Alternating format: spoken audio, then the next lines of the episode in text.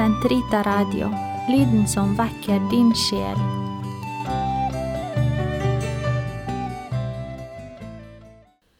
Den katolske kirkes katekisme, uke 15, lørdag, paragraf 1949 til 1953.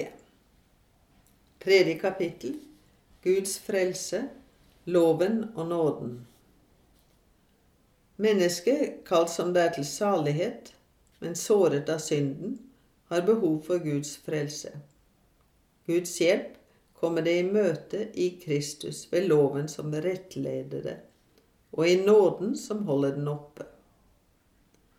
Arbeid på deres frelse i age og ærefrykt.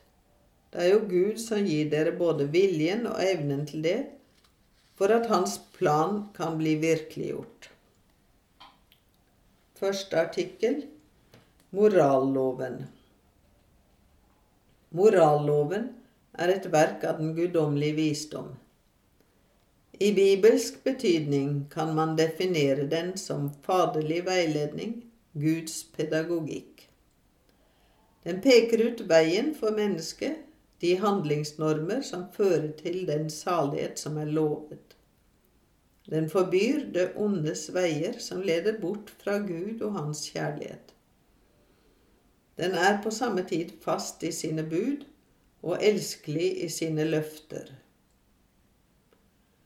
Lov er en regel for atferd, utstedt av rett myndighet med fellesskapets beste for øye. Moralloven bygger på den fornuftsmessige orden mellom skapningene som er fastlagt av skaperens makt, visdom og godhet, med deres vel og bestemmelse for øye. All lov har i den evige lov sin første og endelige sannhet. Loven blir kunngjort og fastlagt av fornuften som deltakelse i den levende Guds forsyn alles skaper og gjenløser. Denne innordning av fornuften er det som kalles lov. Blant alle besjelede vesener er det bare mennesket som kan rose seg over å være blitt funnet verdig til å motta en lov fra Gud. Det er et levende vesen utrustet med fornuft, satt i stand til å forstå og vite, og det skal styre sin atferd ved å gjøre bruk av sin frihet og sin fornuft i lydighet mot Ham som har gitt det alt. Moralloven gir seg forskjellige uttrykk, og alle er innbyrdes ordnes, ordnet i forhold til hverandre. Den evige lov, alle lovers utspring i Gud.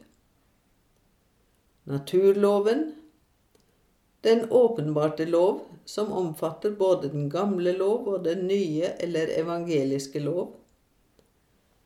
Til sist sivilrettslige lover og kirkens lover. Moralloven har i Kristus sin fylde og enhet. Jesus Kristus er i sin person fullkommenhetens vei. Han er målet for loven for han alene lærer og gir Guds rettferdighet. For det er jo Kristus som er lovens oppfyllelse, slik at det er enhver som tror på ham, som får del i rettferdigheten. Romerne 10, 4.